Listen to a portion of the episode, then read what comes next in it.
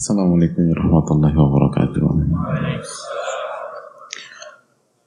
Bismillahirrahmanirrahim. Innal hamdalillah nahmaduhu wa nasta'inuhu wa nastaghfiruh wa na'udzu billahi min shururi anfusina wa min sayyiati a'malina. Man yahdihillahu fala mudilla lahu wa man yudlil fala hadiya lahu. نشهد أن لا إله إلا الله وحده لا شريك له وأن محمدا عبده ورسوله لا نبي بعده اللهم صل وسلم وبارك وأنعم على نبينا محمد وعلى آله وصحبه أجمعين Hadirin yang Allah muliakan Marilah kita membuka majelis kita dengan bersyukur kepada Allah Tabaraka wa Ta'ala atas nikmat karunia yang Allah tidak pernah hentikan kepada kita. Dan justru kita yang suka berhenti dalam bersyukur. Maka berbanyaklah istighfar kepada Allah taala. Lalu muhasabah lalu banyak-banyak bersyukur wa qalilun min ibadi syakur. Sedikit hambaku yang pandai bersyukur. Sedikit hambaku yang pandai bersyukur kata Allah Subhanahu wa taala. Itu yang Allah firmankan dalam surat Saba ayat 13 maka jadilah yang sedikit tersebut kalau yang punya alam semesta ini menyatakan sedikit, maka pantaskah kita santai-santai dan kita menggampangkan dan meremehkan masalah ini? Karena kegagalan dalam bersyukur itu fatal hadirin. La in syakartum la azidannakum wa la in kafartum inna azabi lasyadid. Kalau kalian bersyukur, aku akan tambah nikmat tersebut. Dan kalau kalian kufur nikmat, nggak bersyukur, itu azabku sangat pedih, kata Allah. Jadi, sekali lagi PR kita bukan keluar dari masjid ini sebatas bahwa pengetahuan, bahwa ilmu dan senang mengerti dan tercerahkan terhadap suatu hal. Kita harus yakin bahwa saat kita keluar dari majelis ini, kita membawa pulang PR. Itu PR bersyukur. Dan begitulah penuntut ilmu itu hidup. Begitulah penuntut ilmu itu menjalani kehidupan.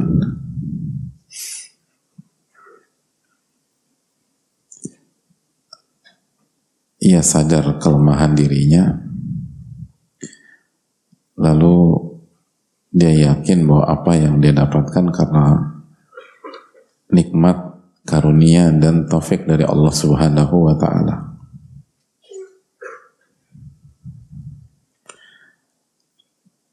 Maka sekali lagi hadirin, semoga Allah memberikan taufik kepada kita untuk bisa bersyukur. Amin.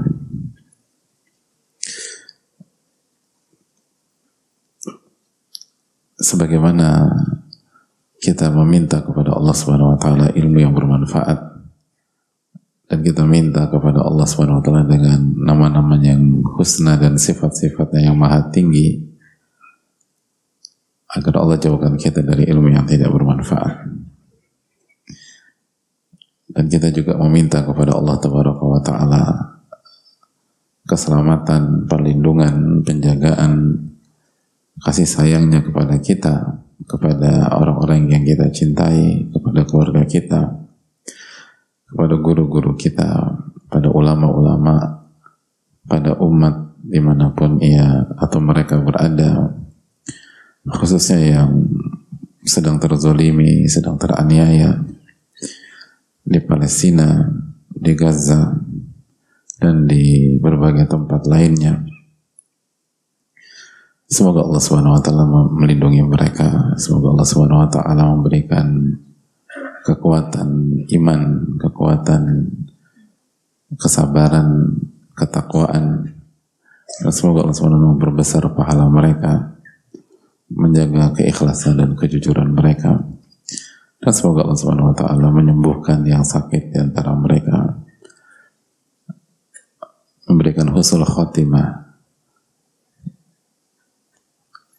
yang wafat dari mereka dan diberikan pahala yang sangat besar. Dan semoga Allah Subhanahu wa taala memberikan taufik kepada kita untuk senantiasa mendoakan mereka dan membantu sesuai dengan kemampuan kita. Amin ya rabbal alamin. Uh, hadirin Allah muliakan.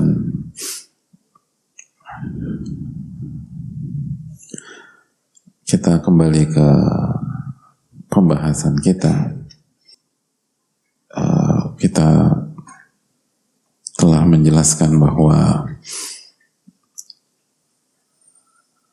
sebagaimana dijelaskan para ulama kita tuh nggak akan mendapatkan ilmu nafi kecuali kecuali kita menunaikan hak-hak ilmu kita beradab dengan ilmu. Bil adabi tafhamul ilma.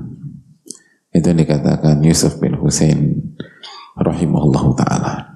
Hanya dengan adab anda bisa mengetahui hakikat dari ilmu. Dan yang dimaksud adab di sini adalah adabul ilm. Beradab dengan ilmu itu sendiri. Dan itu juga dijelaskan oleh Abul Qasim rahimahullah ta'ala secara makna beliau menyampaikan bahwa apabila kita ingin mendapatkan kemuliaan dari ilmu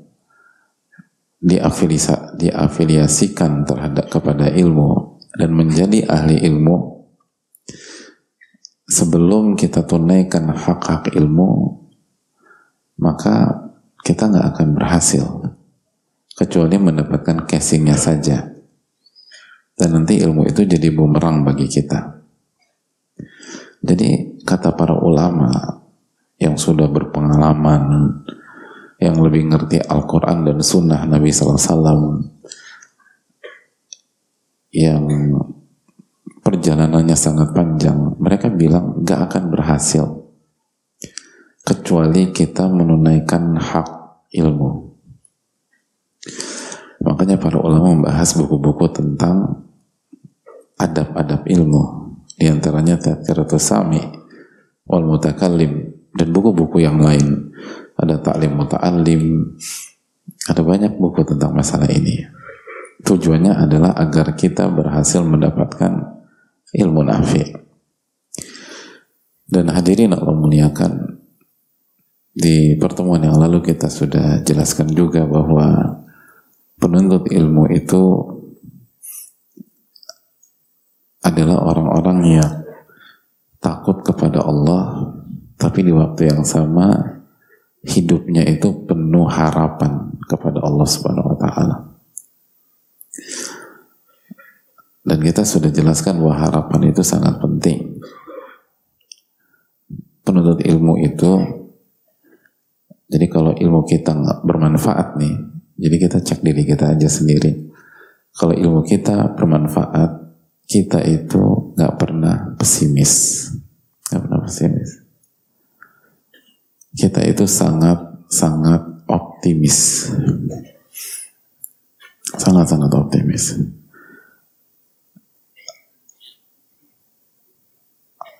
Makanya hadirin Allah muliakan ketika Saya mau tanya sama antum sekalian. Ayat apa yang dinobatkan sebagai ayatnya pembaca-pembaca Al-Quran? Ayatul Qurra. Siapa yang tahu? Kan udah ikut halakoh tadi ya. Apa ayat yang dinobatkan oleh para ulama sebagai ayatnya pembaca-pembaca Al-Quran. Hah? Apa? Iqra. Ayat Iqra. Iqra Ustaz. Masya Allah. Optimis ya? Ini baru penuntut ilmu. Salah. Masih. Nih. Apa penting optimis? Masih optimis nggak? Masih. Baru udah salah. Apa-apa. Apa ayatnya para pembaca Al-Quran?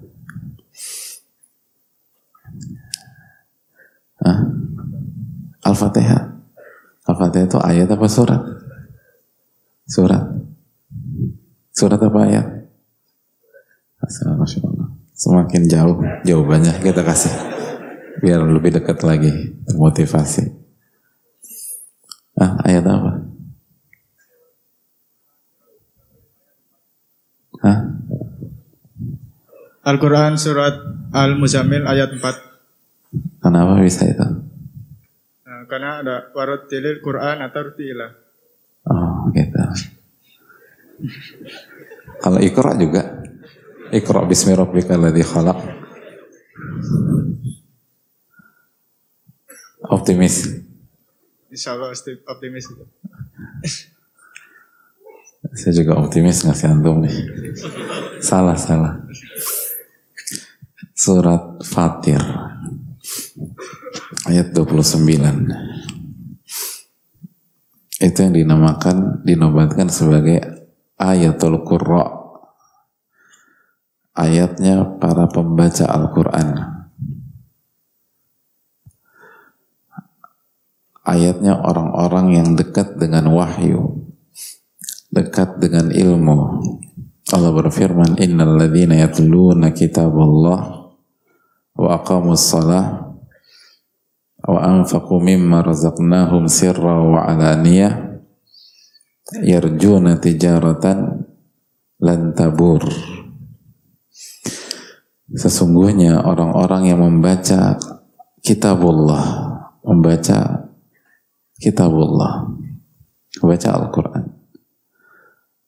Wa yunfiq wa aqamus salah. Dan orang-orang yang mendidik, mendirikan salat. Wa anfaqu mimma razaqnahum. Dan mereka berinfak dari rizki yang kami berikan kepada mereka. Terus apa lagi sirra wa alaniyah baik dalam kondisi rahasia maupun kondisi terang-terangan terus yarjuna tijaratan lan tabur. Mereka berharap perniagaan bisnis yang tidak pernah dan tidak akan rugi.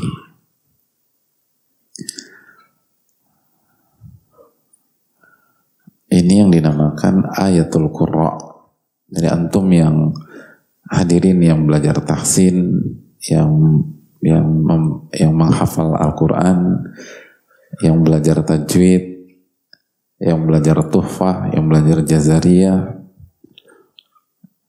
yang punya halakoh, yang belajar tafsir, yang belajar Al-Quran, ini jangan lupakan ayat ini. Ini ayatnya para kurra. Kurra itu kor, jamak dari kori. Kori itu artinya pembaca. Jadi pembaca Al-Quran itu hidupnya yatluna kitabullah. Mereka membaca Al-Quran. Cukup. Wa aqamus sholah. Mereka menegakkan sholat. Cukup? Belum. Wa anfaqu mimma razaqnahum sirra wa. Dan mereka berinfak. Mau yang kaya maupun yang pas-pasan berinfak. Mimma razaqnahum. Mereka ambil dari rizki yang Allah berikan kepada mereka. Jadi nggak harus nunggu kaya. Apalagi penuntut ilmu. Apalagi kori. Hobinya itu keluarin duit. gitu. Berapa? Semampunya. Sesuai dengan apa yang Allah kasih kepada kita. Dia suka ngasih. Sirra wa alaniyah. Rahasia maupun terang-terangan. Nah terus ini poin kita. Yarjuna tijaratan lantabur. Mereka itu berharap perniagaan yang tidak pernah rugi. Jadi hidup mereka penuh dengan apa? Harapan. Nah itu. Ini orang yang punya ilmu nafik. Hidupnya penuh dengan harapan. Kenapa? Karena yang mereka kerjakan tidak ada kemungkinan rugi. Nggak ada. Nggak ada. Yarjuna tijaratan lan tabur. Kita punya temen jago bisnis ngajak kita join. Lu mau chipin nggak? Gitu loh. Gue mau ngerjain project nih. Jago nih orang. Gitu. Dan pengalaman di bidang itu. Pengalamannya udah 20 tahun. Kira-kira kalau kita tahun gitu mau nggak? Kita nanya dulu kan. Berapa? Udah terserah lu deh. Lu punya duit berapa? Lu taruh. Nanti gue yang jalanin. Kira-kira kita ikutan nggak? Nggak. Wih, zuhud juga tuh. Ikut, ikutan nggak? Ikut. Ikut. Optimis apa pesimis? Optimis. Pertama, ada peluang rugi apa enggak? Ada, tetap ada. Sejago-jago orang bisa jadi yang kali ini dia salah memprediksi. Yang kali ini dia kalah buat perhitungan, ada peluang rugi. Tapi karena track recordnya, pengalaman, dan dia expert di bidang itu, kita optimis. Itu manusia sama manusia, optimis tuh. Padahal ada peluang rugi. Lalu bagaimana jika Allah yang kasih garansi subhanahu wa ta'ala? Bagaimana ketika Allah yang berfirman, "Wa man yattaqillah yaj'al lahu makhraja wa yarzuqhu min haitsu yahtasib." Barang siapa bertakwa kepada Allah, Allah akan berikan Allah akan berikan jalan keluar dan rizki yang tidak pernah ia duga-duga. Bagaimana mungkin kita bisa pesimis?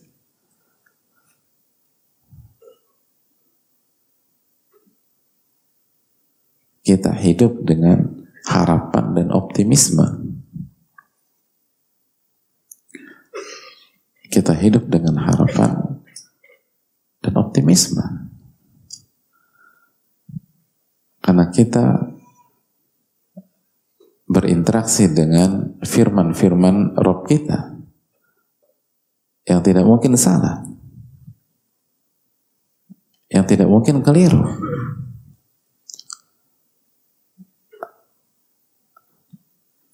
Janji-janji yang terdapat di dalam Al-Quran yang Allah firmankan Zalikal kitabu la raiba fih. Kitab ini nggak ada keraguan. Nggak ada keraguan. Yang Allah firmankan di dalam Al-Quran.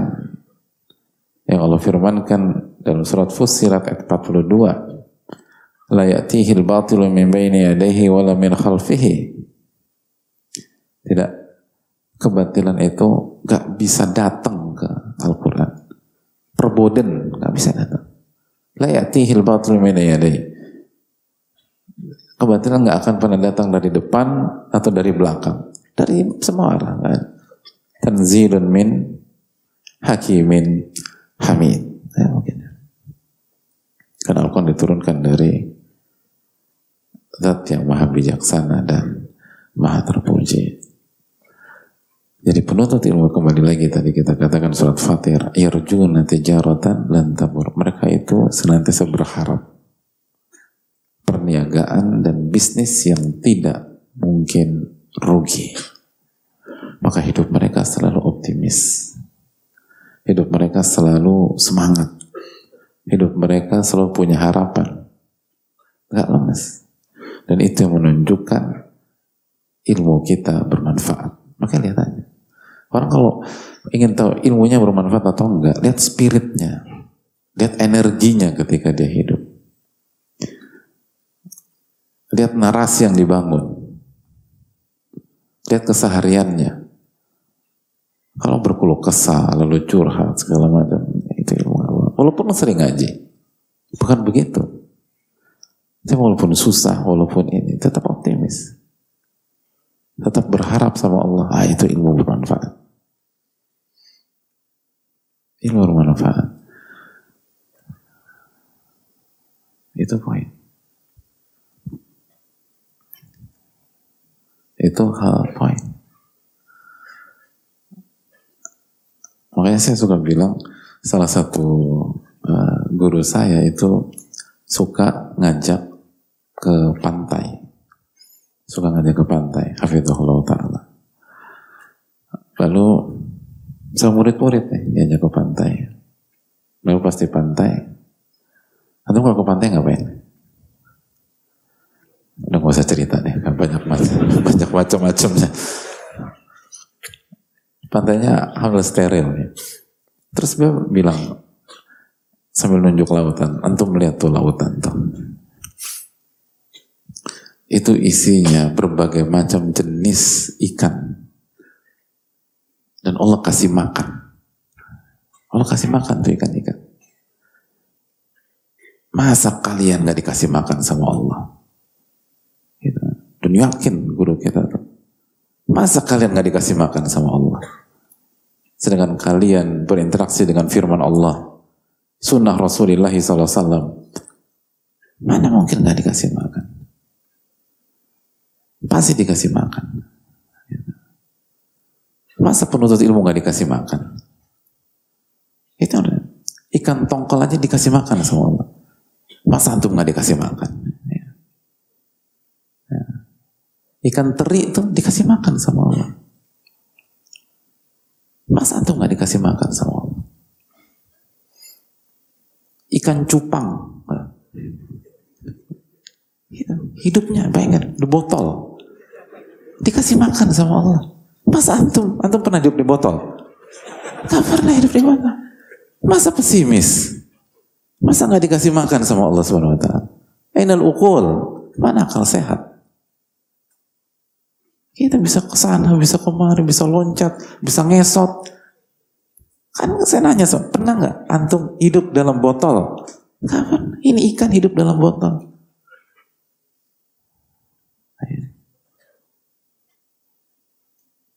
Dan itu ikan punya energi, betul nggak? Ikan cupang, ditemuin sama nyumpang, naik gitu.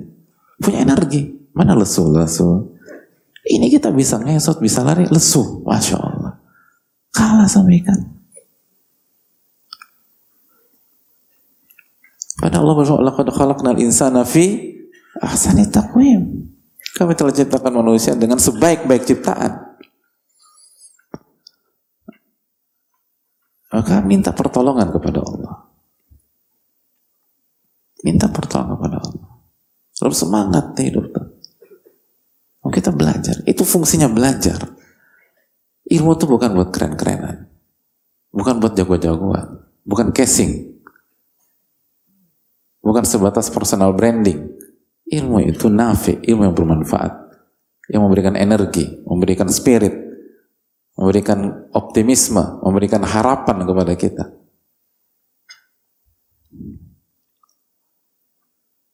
Lihat Nabi SAW. Nggak pernah lemes, optimis. Sampai ketika beliau terusir dari Taif, terzolimi, teraniaya, dan dua malaikat siap mengeksekusi penduduk Taif. Lihat bagaimana respon Nabi kita Sallallahu Jangan.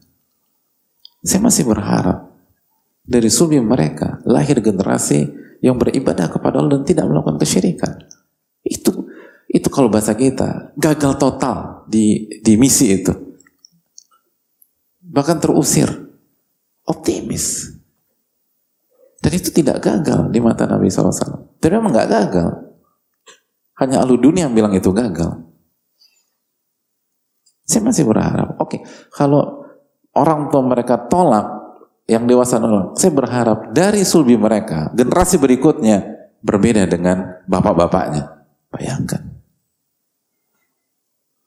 Seoptimis itu Nabi hadirin sekalian Sallallahu Alaihi Wasallam. Kenapa? Karena kekuatan harapannya kepada Allah. Kekuatan harapannya kepada Allah Subhanahu wa taala. Karena Allah ala kulli syai'in qadir.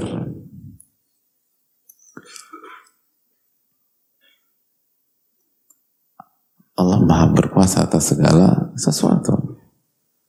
Al-Baqarah 148. Inna Allah ala kulli syai'in qadir. Sesungguhnya Allah maha berkuasa atas segala sesuatu. Mampu. Apa susahnya bagi Allah Tabaraka wa Ta'ala?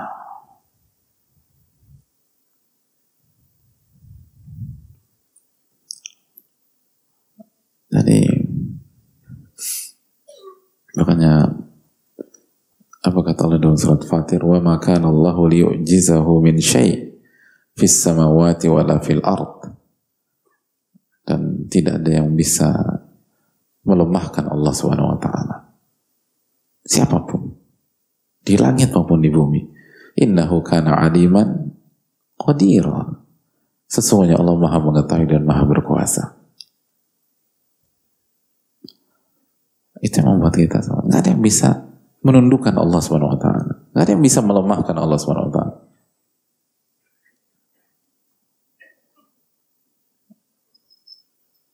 Nggak mungkin. Allah Maha berkuasa.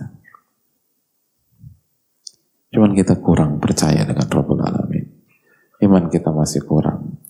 Maka kita sering suudon, buruk sangka dan akhirnya kita dihukum dengan buruk sangkanya kita tersebut. Allah berfirman, "Ana inna 'abdi bi." Aku ini tergantung prasangka hambaku terhadap diriku. Dalam riwayat in khairan fa khair wa in syarran fa syarr. Kalau baik, maka kejadiannya baik nanti. Dan kalau buruk, kalau buruk sangkanya, maka yang kejadian buruk kata Allah SWT. Itu kita itu sering kali. Ilaman rahimah rabbuh kecuali yang dirahmati oleh Allah Subhanahu wa taala. Kita sering kali kemakan dengan prasangka kita kepada Allah. Kita termakan dengan pesimisme kita. Makanya kan yu'jimunil fa'lu. Nabi kita SAW itu kagum dengan optimisme. Senang Nabi SAW dengan optimisme itu. Dan optimisme itu yang terkuat, harapan yang terkuat itu lahir dari ilmu kita terhadap nama-nama dan sifat-sifat Allah Subhanahu wa taala. Lahir dari iman kita terhadap Allah Tabaraka wa taala. Itu tadi.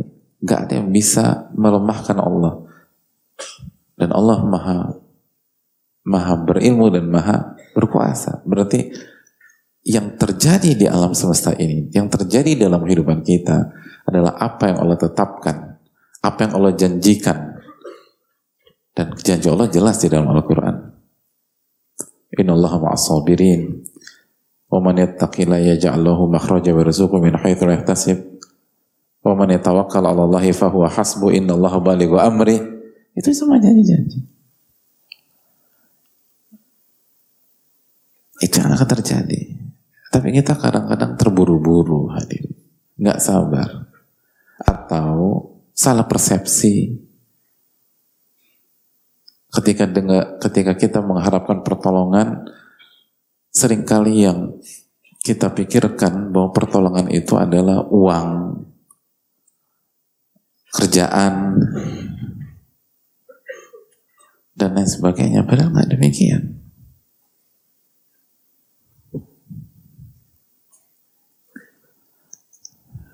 contoh-contoh Hadis riwayat Imam Ahmad. Ini contoh. Innaka. Nabi SAW bersabda. Saya rasa hadirin banyak yang sudah dengar hadis ini. Udah dengar belum? Masya Allah. Karena memang belum saja sebutkan. Nabi SAW bersama Inna kalan tada asyai'an lillahi azza wa jal Sesungguhnya Tidaklah engkau meninggalkan sesuatu karena Allah Illa abdalakallahu bihi ma huwa khairun laka minhu Kecuali Allah akan gantikan dengan sesuatu yang lebih baik untukmu dibanding hal tersebut.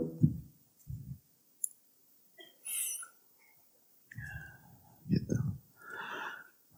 Jadi tidak sesungguhnya tidaklah Anda meninggalkan sesuatu karena Allah kecuali Allah akan gantikan dengan hal lain yang lebih baik buat Anda daripada hal sebelumnya yang Anda tinggalkan itu.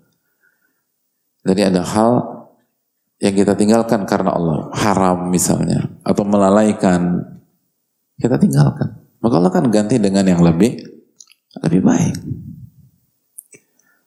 Orang meninggalkan pekerjaan, salary yang puluhan juta, bahkan ratusan juta karena Allah, karena ternyata pekerjaan itu tidak halal misalnya. Maka Allah akan ganti dengan dengan pekerjaan atau Allah akan ganti dengan hal yang lebih baik daripada pekerjaan tersebut. Pernah dengarkan hadis itu ya? Atau tadi belum? Gimana sih? Belum disebutin Pak Ustadz. Nah, pertanyaannya, ketika hadirin misalnya meninggalkan bisa pekerjaan misalnya yang income-nya 70 juta per bulan. Gitu. Atau sebelum meninggalkan di persimpangan nih gitu. Ninggalin enggak. Ninggalin enggak gitu. Gaji 70 juta. Besar nggak sih 70 juta? Besar. Kalau meninggalkan pekerjaan dengan gaji 70 juta berat apa enggak? Berat ya. Pas enggak, Anda harus tinggalin. Anda harus tinggalin. Karena ini haram gitu. Pas mau buat keputusan, mau sign, dibisikan lagi. Eh sayang, 70 juta bro. Mubadir. Innal mubadirin akanu ikhwana syayatin. Ada tuh ayat tuh. Loh iya kan harus syubhatnya harus kuat juga. Kalau syubhatnya syaitan kan pinter gitu loh. Mubadir. Eh, enggak, enggak, enggak, enggak, enggak benar ini gitu. Ini bukan mubadir, ini harta haram. Teruskan pergolakan.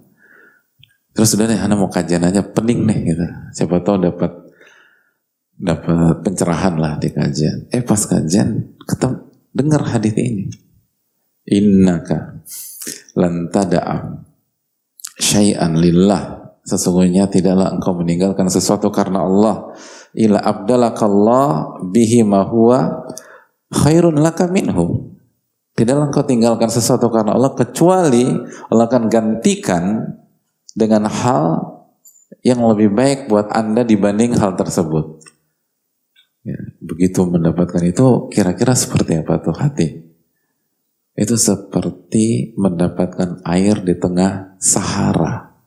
Ini nih benar nih. Dan ketika kita mendapatkan hadis Imam Ahmad ini, yang terbesit di benak kita, apa hadirin? Gaji 70 juta. Nabi SAW bersabda, Berhasil meninggalkan sesuatu karena Allah, Allah akan ganti dengan yang lebih baik. Yang ada di benak kita. Apa yang lebih baik tersebut? Ah? Apa? Pekerjaan? Pekerjaan? Yang gajinya berapa? 69? Bayangkan, 69 aja nggak puas antum. Bukan 69, akhi. Nabi ini Nabi sallallahu alaihi wasallam. Ana optimis, minimum 70,5 gitu. Kan 70 juta, naik 70. Kan begitu ya. Ternyata minggu depannya dipanggil. Dapat panggilan. Nego Kan kalau interview suka ditanya, kira-kira mau dapat gaji berapa pak? Gitu. Ingat hadis ini. Minimum 70,5. Masya Allah. Ternyata ini perusahaan mampunya cuman 8 juta. Enggak, enggak. Kenapa enggak? Enggak. Nabi SAW enggak pernah bohong. Gitu. Terus nanti ada panggilan. Sampai itu tadi nanti ada panggilan. Sampai ada kasih berapa anda mau? 70,5 terus pokoknya 70,5 perusahaan kita hanya sanggup 69 69 enggak mau enggak mau. Illa abdalakallahu bihi ma huwa khairun minhu. Kecuali Allah akan gantikan dengan yang lebih baik. Enggak mau 69 enggak mau 69,5 enggak mau oke mentok 70 enggak sama soalnya. Ini lebih baik. Hadirin, akhirnya nggak dapat dapat kerjaan gitu. Lalu nanti begitu udah lama jobless, frustasi. Dan begitu frustasi yang disalahin siapa? Rasulullah SAW nanti. Na'udzubillah tuh na'udzubillah. Hadirin Allah muliakan. Tahukah apakah apa keterangan para ulama tentang hadis ini? sebagaimana dijelaskan oleh Ibnu Al-Qayyim rahimahullah dalam fawaid al-iwat anwa'un mukhtalifah nah, ini penggantinya itu variannya tuh banyak bentuknya itu banyak wa ajallu ma yu'awwadu bihi dan yang terbaik, termulia. Artinya apabila seseorang meninggalkan sesuatu karena Allah, maka Allah akan ganti dengan yang lebih baik. Dan pengganti yang terbaik di antara yang lebih baik adalah al-unsu billah. wa mahabbatuh. Wa tuma'ninatul qalbi bihi. Wa quwwatuhu wa nashatuh wa farahu wa ridahu an rabbih ta'ala. Itu.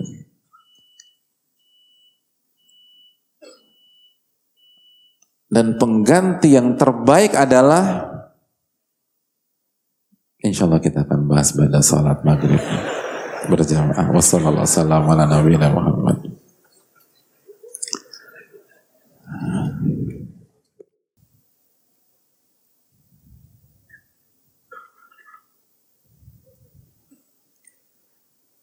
Assalamualaikum warahmatullahi wabarakatuh. Bismillahirrahmanirrahim. Alhamdulillahirabbil alamin. وبه نستعين على أمور الدنيا والدين والصلاة والسلام على أشرف الأنبياء والمرسلين اللهم أعز الإسلام والمسلمين وأذل الشرك والمشركين آمين رب العالمين Uh, hadirin Allah muliakan kita akan uh, melanjutkan kembali uh, kita lagi membahas bahwa tidak ada alasan untuk tidak berharap dan tidak optimis. Dan itu salah satu adabul ilm. Dan ketidak atau kehilangan harapan itu penyebabnya karena kita salah persepsi, salah paham. Dan kita ambil contoh dari hadis dari Imam Ahmad ketika Nabi SAW mengatakan inna lan tada'a syai'an lillahi azza wa jal illa abdalakallahu bihi ma huwa khairun laka min. Tidaklah seseorang atau tidaklah anda meninggalkan sesuatu karena Allah subhanahu wa ta'ala kecuali Allah menggantikan dengan yang lebih baik buat anda daripada hal yang anda tinggalkan itu.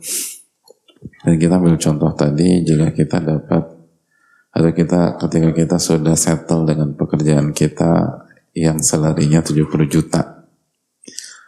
Lalu ternyata di kemudian hari kita tahu bahwa itu ternyata haram, nggak boleh dan seterusnya. Lalu kita galau dan akhirnya kita tekadkan atau bulatkan tekad untuk meninggalkan itu karena Allah karena mendengar hadis di atas Dan tadi kita sudah buat survei kecil-kecilan di sini bahwa kita uh, memahami bahwa lebih baik daripada yang kita tinggalkan artinya salarinya lebih tinggi, lebih baik dan lain-lain.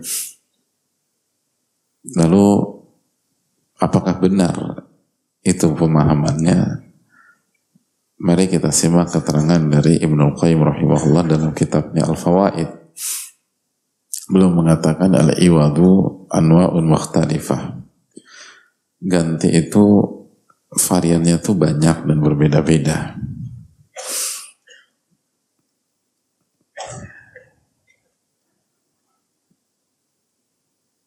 Dan yang paling terbaik adalah al-unsu billah. Nyaman dengan Allah Subhanahu wa taala. Itu. Merasa senang dengan Allah. Merasa nyaman. Wa mahabbatuh dan rasa cinta kepada Allah.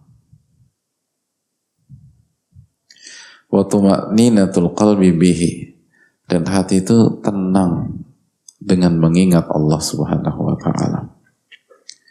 Wa quwwatuhu wa nasyatuh dan kekuatan hati dan uh, energiknya hati. Wa farhuhu wa ridah dan senangnya hati serta ridhonya hati kepada Allah Subhanahu wa taala itu ganti terbaik gitu.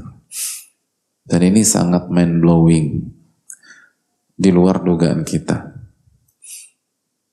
Artinya belum tentu diganti dengan kerjaan yang income-nya di atas 70 juta, belum tentu. Namun Allah kasih kita tenang ketika beribadah. Dan lebih mudah mencintai Allah Taala. Lalu hati itu tenang gitu hadirin. Dulu memang fulus banyak, tapi gelisah kita. Gak nyaman. Gitu. Makanya walaupun gaji banyak, gak langsung pulang. Gitu cari hiburan.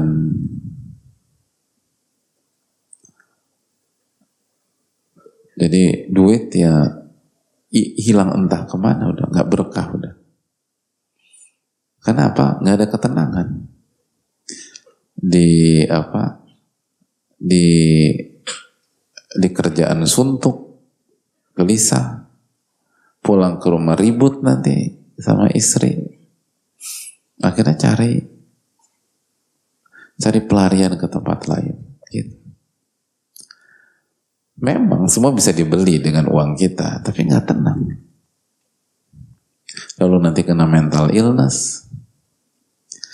Tapi begitu kita tinggalkan, mungkin kita nggak dikasih kekayaan yang sama sampai kita wafat nanti. Semua berubah. Tapi kita dikasih ketenangan. Dikasih kenyamanan. Dulu tuh sholat nggak pernah khusyuk, sekarang bisa khusyuk. Dulu nggak ada kepikiran bisa meneteskan air mata ketika takarub kepada Allah.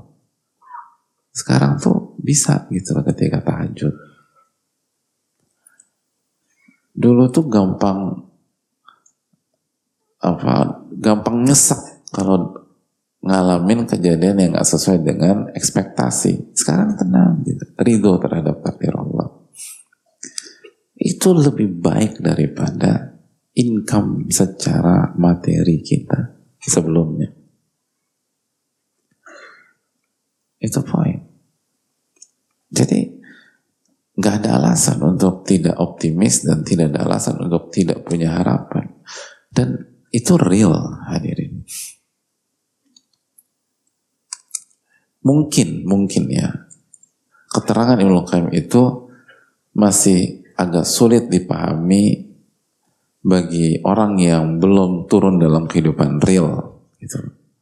Tapi bagi orang yang sudah makan asam garam kehidupan, sudah mengalami ujian-ujian hidup yang besar-besar, itu lebih mahal daripada harta dunia, ketenangan hati, lalu kekuatan hati, lalu tadi nasyatu energik gitu loh, semangat gitu. Walaupun duit pas-pasan tapi tetap ceria aja orang lihat bagaimana Bilal bin Robah happy-happy aja. Lihat bagaimana Ammar bin Yasir. Lihat bagaimana para sahabat-sahabat yang dari kalangan fukara wal masakin dari orang-orang fakir dan miskin gimana Bagaimana spirit mereka? Mereka tuh memang nggak punya uang, tapi mereka punya semangat hidup, gitu. Mereka punya spirit.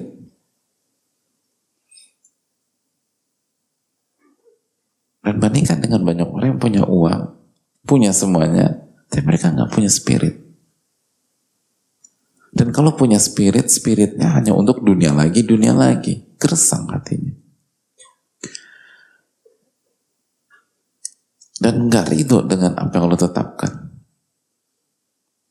Dengan prinsip saya harus dapatkan apa yang saya mau. Wah stres hadirin. Orang punya prinsip itu bahaya nih. Karena bukan dia berkuasa dalam kehidupan.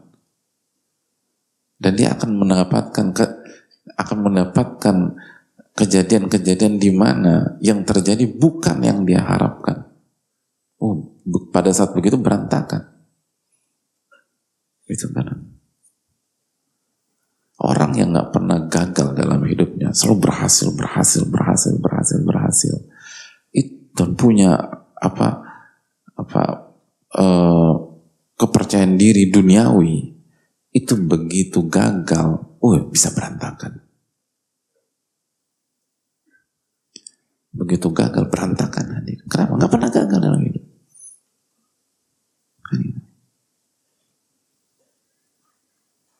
Beda dengan hadirin sekalian. Gagal tenang. Karena memang udah sering gagal. Gitu. Biasa. Loh, jangan baper dong hadirin.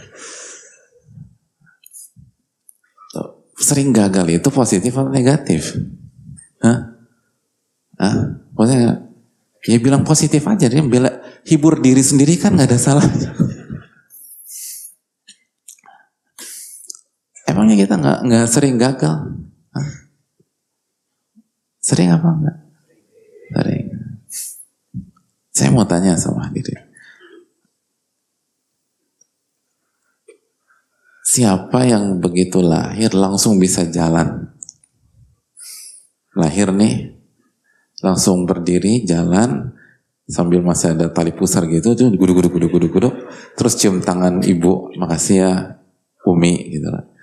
Terus datang ke dokter, dokter syukron gitu saya jalan gitu. Ada kayak gitu? Oh ngeri tuh hadirin. Itu bisa kesurupan itu. Kan kita nggak bisa jalan. Terus proses sampai bisa jalan gimana hadirin? Lancar begitu aja? Atau kega, uh, atau mengalami kegagalan demi kegagalan? Kegagalan demi kegagalan. Itu Tapi dengan kegagalan itulah kita bisa jalan dan kita mencapai keberhasilan dengan taufik Allah Subhanahu wa taala. Gitu.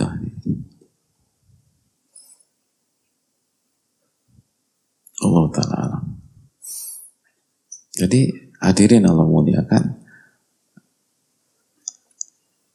Nah, orang-orang beriman itu gak kehilangan energi, walaupun gagal, walaupun jatuh lagi, biasa begini. Kenapa? Karena yakin sama Allah Subhanahu wa taala. Nah, ini yang harus dibangun bagi para penuntut ilmu. Rasa harap kita, rasa takut kita, optimisme kita itu harus beda Nggak boleh sama. Dan itu yang membuat ilmu itu terbukti bermanfaat gitu. Makanya ilmu tauhid itu tuh pentingnya di situ hadirin. Karena kita akan optimis, kita akan berharap sama Allah Taala. Makanya balik lagi ke poin itu tadi contohnya. Ternyata diganti lebih baik itu bukan secara fisik. Jadi yang diganti yang terbaik ya, yang terbaik itu bukan fisik diganti fisik, materi diganti materi. Justru sebaliknya, kehilangan materi tapi Allah ganti dengan kekuatan hati. Itu baru pengganti terbaik di kehidupan. Itu. Nah yang jadi masalah, kita nggak ngerti. Begitu nggak ngerti, nggak bersyukur. Begitu nggak bersyukur, dicabut sama Allah. Jadi akhirnya nggak dapat materi, nggak dapat kekuatan hati. Selesai udah hidup tuh. Kan begitu sering kali. Kalau udah kasih nih, kita udah tenang. Udah ibadah, udah bisa ini. Eh, lupa bersyukur kita. Karena nggak menyadari bahwa ini tuh lebih mahal daripada income atau materi yang sebelumnya kita punya. Karena kita nggak memahami hal tersebut, maka kita nggak mensyukuri. Begitu kita nggak mensyukuri, wala in kafartum inna adzabi lasyadid. Kalau kalian tidak bersyukur, kufur nikmat, adabku sangat pedih. Gitu. Jadi kalau orang ngerti ilmunya, ya Allah. Gitu. Bahkan sebagian guru-guru kita tuh mengajarkan itu harga yang harus dibayar untuk mendapatkan ilmu nafi. Sebagian ulama tuh sering mengatakan la yata'allamu la yata'allamu ahadun al-ilma majana. Gak ada satupun orang yang belajar gratisan. Gak ada. Gak ada. Walaupun dia datang ke kajian yang free of charge. Dia datang kajian gratis, tapi sejatinya dia harus bayar itu. Bayar dengan apa? Yang lain. Ada orang harus bayar dengan kesehatannya, baru dapat ilmu. Ada orang harus bayar dengan pekerjaannya yang sebelumnya. Dia harus bayar. Ilmu itu mahal hadir, nggak gratisan. Nggak bisa ilmu itu mahal. Makanya kan anak orang kaya otomatis jadi orang kaya. Jelas. Apalagi begitu lahiran beberapa hari berikutnya orang tuanya meninggal. Tuh duit lari ke mana? Anaknya. Asobah. Walaupun mungkin bukan satu-satunya ahli waris, tapi anaknya orang kaya. Tapi anak ulama, gak otomatis jadi ulama. Gimana jadi ulamanya? Dia harus melewati proses bapaknya. Gak serta-merta dia anak ulama, anak ustadz, otomatis jadi bukan jadi ustadz, bisa aja jadi ustadz. Tapi punya ilmu seperti bapaknya kecuali dia melewati proses bapaknya itu. Dan begitu melewati proses, dia harus bayar. Itu aja. Karena ilmu ini mewah.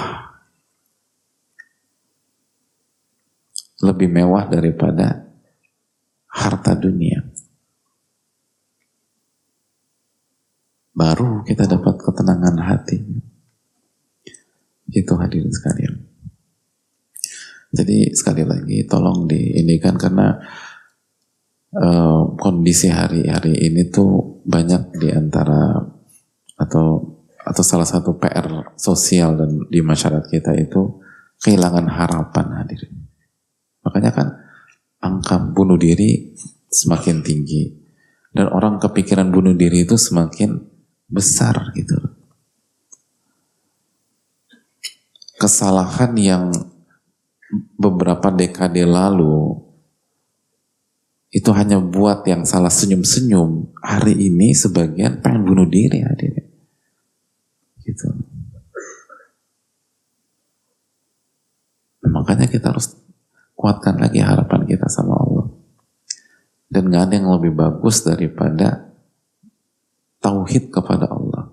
Kembali mempelajari dan meyakini nama-nama dan sifat-sifat Allah. Lalu kita beribadah dengan itu. Dan kita akan mendapatkan harapan tersebut. Sebagaimana itu yang dialami para nabi alaihi wassalatu wassalam lalu para sahabat radhiyallahu taala dan para ulama-ulama dan orang-orang soleh dan para wali di berbagai uh, dimensi waktu dan ruang. Allah taala alam bisawab. Kita buka sesi tanya jawab.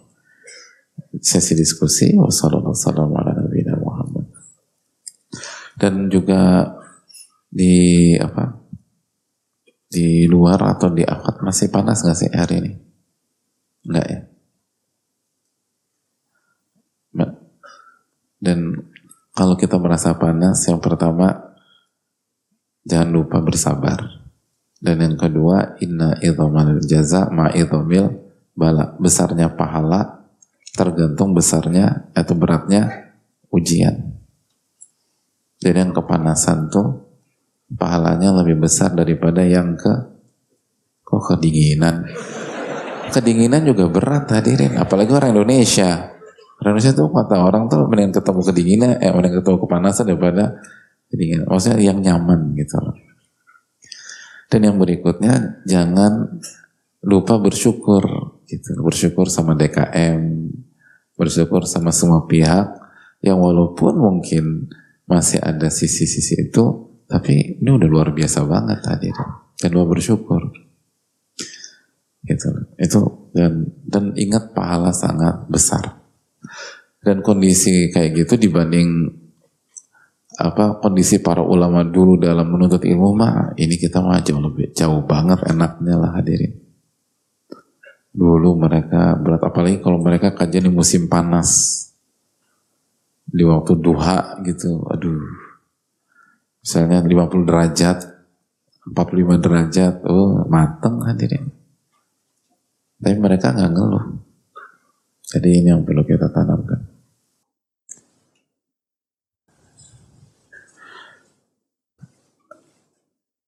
Uh, Bismillah, Assalamualaikum warahmatullahi wabarakatuh. Waalaikumsalam warahmatullahi wabarakatuh. Semoga Ustadz, keluarga, dan seluruh umat muslim hilang.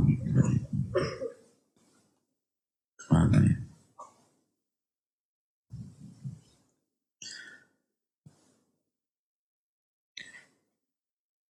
Semoga Ustadz keluarga dan seluruh umat muslim diberikan rezeki dan taufik dari Allah SWT. Amin ya Rabbal. Khususnya bagi saudara-saudara kita yang terzolimi, tersakiti. Semoga Allah menolong dan menjaga mereka. Amin ya Rabbal Alamin. Bagaimana cara menghilangkan rasa iri di hati ini karena teman berhasil sukses dalam hal dunia. Saat ini saya merasa sedih dan galau, saya nggak mau seperti ini Ustadz. Mohon jawabannya Ustadz, syukran jazakallah khairan. Hadirin yang muliakan, pertama minta tolong sama Allah Subhanahu wa taala. Minta tolong sama Allah agar Allah bersihkan hati kita. Yang kedua, dengan memahami hakikat dunia.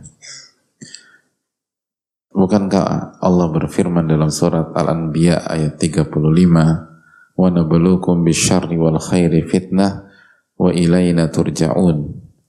dan kami akan uji kalian dengan keburukan dan kebaikan dan semuanya ujian ujian jadi keberhasilan duniawi itu bukan pure reward dari Allah Subhanahu wa taala itu penuh dengan unsur ujian penuh dengan unsur ujian wa ilaina turja'un dan nanti ka, kalian hanya dikembalikan kepada kami kata Allah. Itu. Nah sekarang siapa di antara antum yang ngiri ketika temennya dapat ujian? Nah coba, angkat tangan. Yang ngiri. Angkat. Waktu sekolah, waktu sekolah. Kelas apa? Kelas 1B tiba-tiba ujian kimia dadakan di jam pelajaran pertama.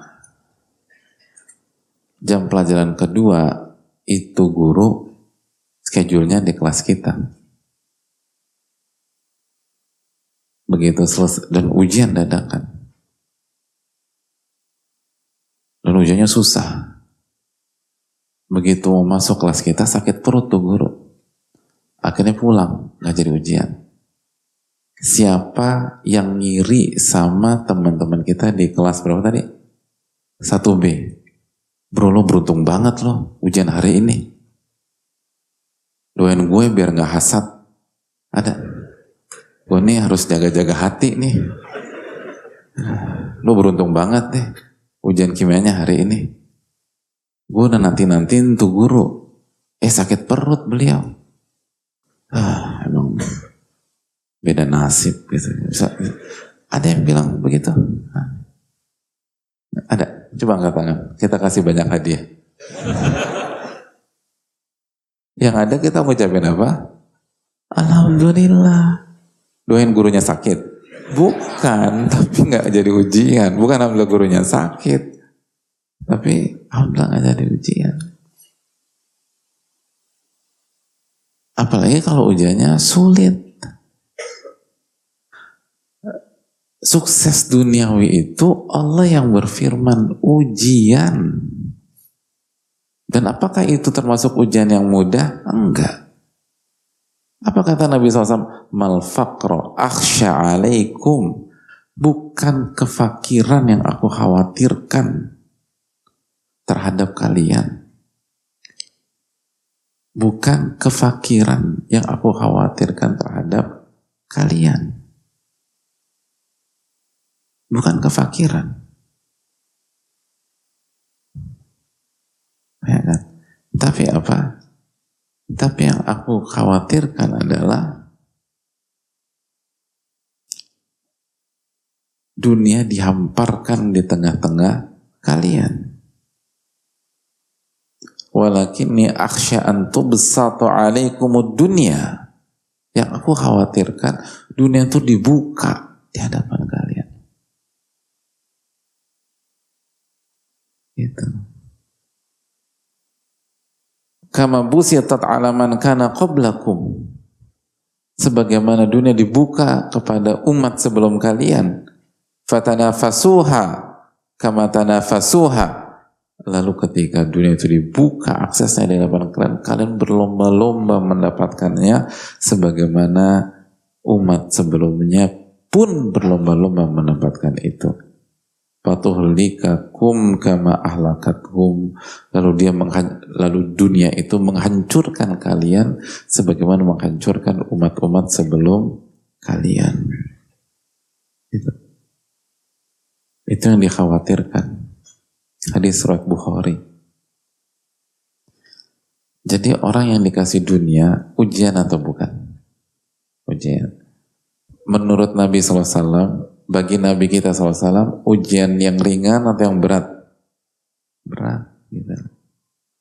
Jadi gimana? Pantas dingiriin dan dihasati? Oh masih pantas aja dia. Tetap aja ke sana ya, ya Allah. Makanya kan hadirin sekalian, para sahabat Nabi SAW yang miskin itu tidak galau, tidak gundah karena sebatas kekayaan sebagian sahabat yang lain.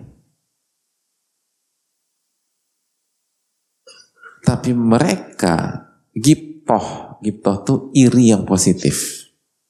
Iri tanpa berharap orang tersebut kehilangan nikmatnya itu gitu. pengen kayak dia gitu. Giptohnya karena apa? Mari kita simak ucapan mereka. Kata sahabat yang miskin, Zahaba ahlud duthuri bil ujur. Orang-orang kaya itu telah mengalahkan kita dengan memborong pahala. Gitu. Mereka bawa pahala buat mereka. Artinya, jadi Zahab al-duthur bil ujur. Mereka pergi mengalahkan kita dengan memenangi pahala. Lihat pahala. Bukan Zahab al-duthur bisayarot misalnya. Mereka mengalahkan kita dengan koleksi mobil-mobil mereka. Enggak begitu. Yang pertama nggak ada mobil dulu. Tapi kan ada ontak, ada kuda. Nggak bilang gitu. Mereka mengalahkan kita dengan outfit mereka. Gak ada bilang begitu. Mereka mengalahkan kita dengan pahala. Apa yang dimaksud dengan pahala? Yusalluna kama nusolli. Mereka sholat. Orang-orang kaya itu sholat. Sebagaimana kita sholat. Jadi ketika kita orang miskin sholat, eh orang kaya juga sholat. Kita udah di saf pertama, eh orang kaya saf pertama juga. Gitu. Jadi orang kaya di zaman Nabi itu semangat ibadahnya. Gitu hadirin. Wa yasumuna kama nasum.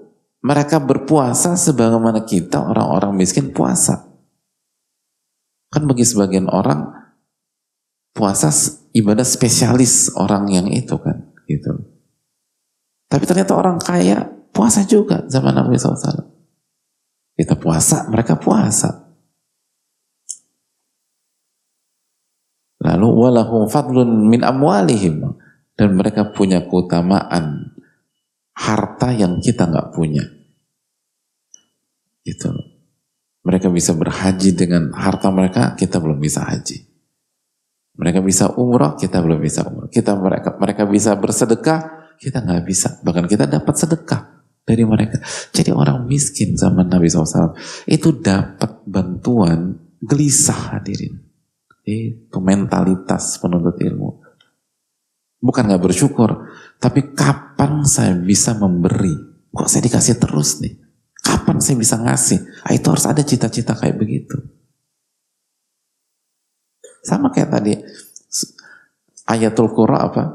Yatluna kitabullah wa aqumus salah wa anfaqu mimma razaqnahum sirran wa Para pembaca Al-Quran sejati itu, para ahli Quran itu baca Quran lalu mendirikan sholat dan berinfak semampunya. Itu yang itu yang menjadi isu bagi orang miskin zaman dulu. Bukan berapa luasnya rumahnya Abu Bakar As-Siddiq atau rumahnya Utsman bin Affan atau ada apa di dalam rumah tersebut atau berapa itu bukan isu. Karena mereka ngerti kalau sebatas itu ujian Ujian ngapain kita hasati ujian orang? Kurang kerjaan hadirin. Yang kita inginkan adalah ibadah mereka dari harta itu. Kok mereka bisa ya? Itu yang harus diinginkan.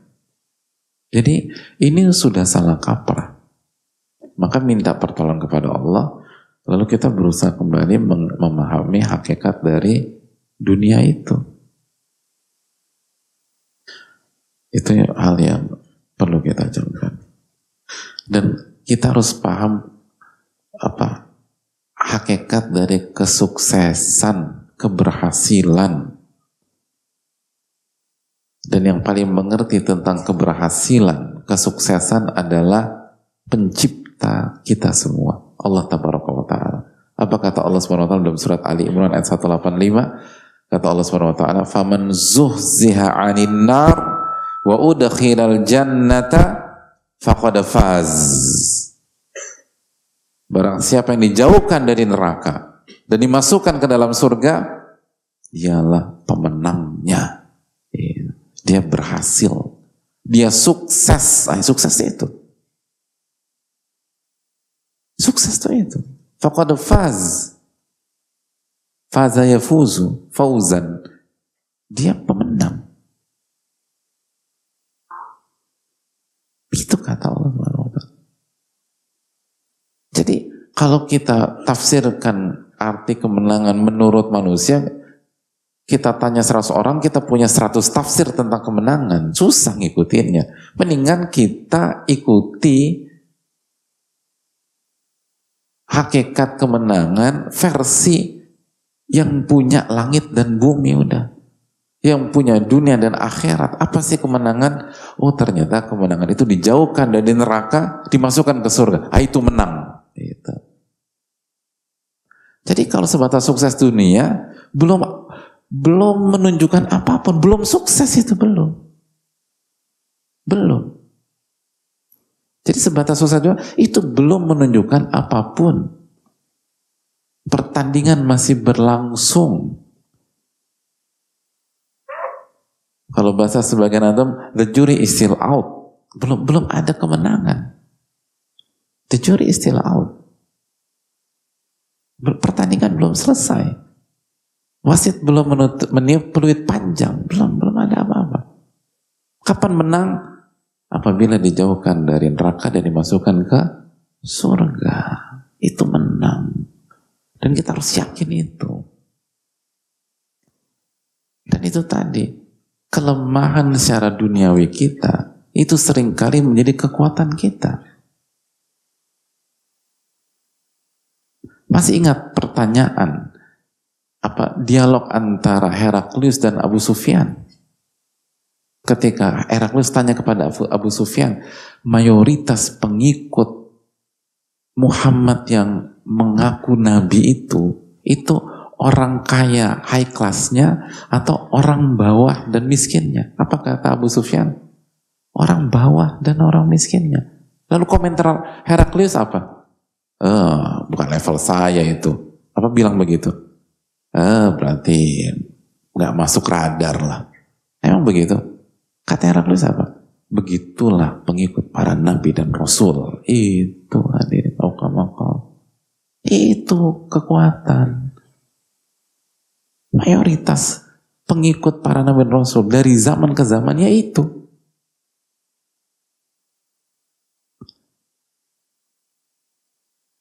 Lalu orang kayaknya bingung, jadi saya harus miskinkan diri saya ini Pak Ustadz. Ya enggak juga. Kan mayoritas, ada yang kaya, tapi mayoritas itu yang itu. Oleh karena itu hadirin sekalian, kelemahan secara duniawi sering kali menjadi kekuatan kita. Dan nggak mudah istiqomah di level atas tuh nggak mudah, kecuali ditolong dan dimudahkan oleh Allah Subhanahu wa Ta'ala. Itu itu poin yang perlu kita catat. Allah Taala bisa. Udah ada nih. Oke. Okay. Saya rasa cukup sampai di sini. Semoga Allah memberikan taufik kepada kita dan semoga Allah taala memberikan kita ilmu nafi dan semoga kita semakin punya harapan kepada Allah dan optimis karena kita punya Rob yang maha pengasih lagi maha penyayang dan Rob yang maha berkuasa atas segala sesuatu. Subhanakallah la ilaha illa anta wa. Assalamualaikum warahmatullahi wabarakatuh. Syukur. Karena mencintai saudara-saudara di Palestina, bagian dari keimanan kita.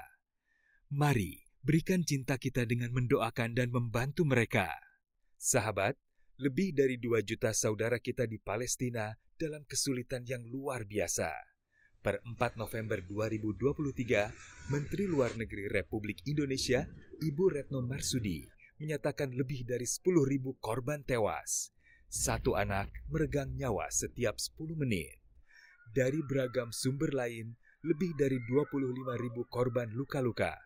Ratusan ribu rumah dan bangunan luluh lantak akibat bombardir Zionis penjajah. Terbuka kesempatan meringankan kesulitan mereka dengan mengirimkan zakat infak, dan sedekah kita melalui Las Muhajir yang bekerja sama dengan Baznas.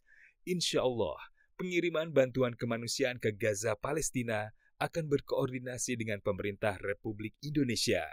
Semoga Allah menguatkan keimanan kita dengan kebajikan ini. Salurkan kepedulian kita melalui rekening CIMB Niaga Syariah 8600 1384 6300 atas nama Muhajir Peduli Indonesia.